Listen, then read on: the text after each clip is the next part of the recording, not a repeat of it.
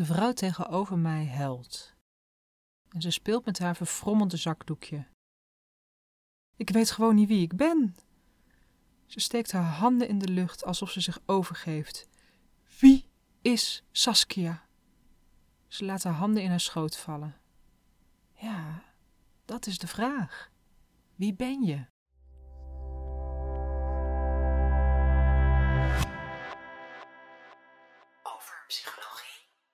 Hallo, ik ben Mirella Brok, relatietherapeut en schrijfster. En je luistert naar mijn artikel Veilig en vrij in je relatie van overpsychologie.nl. Met onderstaande oefening ga je op zoek naar jezelf. Dat is niet iets wat je in een avondje doet. Neem daarom de tijd om jezelf te ontdekken. Het is een spannend avontuur. Over psychologie. Gedraag jij je anders als je alleen bent dan wanneer je partner in de buurt is? Wanneer je de behoefte hebt om alleen te zijn, is jouw innerlijke ruimte, de vrijheid om jezelf te zijn, vaak gekrompen. Het kost energie en het is zinloos voor de relatie. Weet je nog wie jij bent? Voel je dat nog? Ook in je relatie? Hoe doe je dat? Jezelf vinden. 1. Koop een notitieboekje of een schrift dat je mooi vindt. 2. Ga zitten in een fijne ruimte op een fijne plek. 3. Zorg dat je niet gestoord wordt. 4.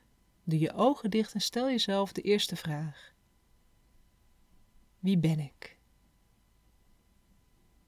5. Misschien antwoord je met je naam, beroep, burgerlijke staat of, of uiterlijke kenmerken.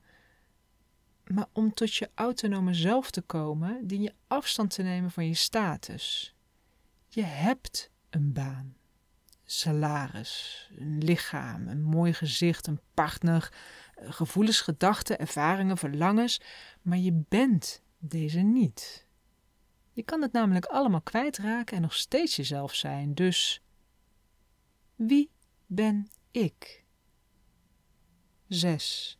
Doe je ogen dicht en stel jezelf de komende weken elke dag de vraag: Wat deed ik vandaag dat mij gelukkig maakte? 7. Schrijf je antwoorden op en maak een paar weken een betrouwbaar gemiddelde. Een theoretisch uitstapje. Autonomie. Autonomie staat voor zelfstandigheid, vrijheid en eigenheid. Het is dus logisch dat juist dit begrip voor ieder individu een andere betekenis heeft. Als kleuter van twee of drie jaar begint je autonomie met het woord nee. En daarna wordt je eigen willetje steeds sterker. Ik wil dit niet, ik doe dit zelf, ik ga niet mee, ik kan dat best, ik hoef dat niet, dat is van mij. Misschien lastig voor je ouders, maar noodzakelijk voor je identiteitsgevoel. In de psychologie definiëren wij autonomie als het begin van je identiteitsgevoel. Hoe doe je dat? Jezelf ontdekken. Deel 2. Doe je ogen dicht en stel jezelf de vraag: wanneer voelde je jezelf onafhankelijk en vrij in je huidige of vorige liefdesrelaties? 2. Schrijf ook dit antwoord op in je boekje. 3. Doe je ogen dicht en stel jezelf de vraag: hoe voelde het om vrij en van jezelf te zijn?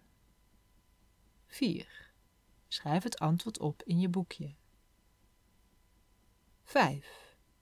Doe je ogen dicht en stel jezelf de vraag: wat had je daarvoor nodig? 6. Schrijf het antwoord in je boekje. 7. Het is stimulerend om kwaliteiten bij jezelf te ontwikkelen, in plaats van deze te vinden in een ander.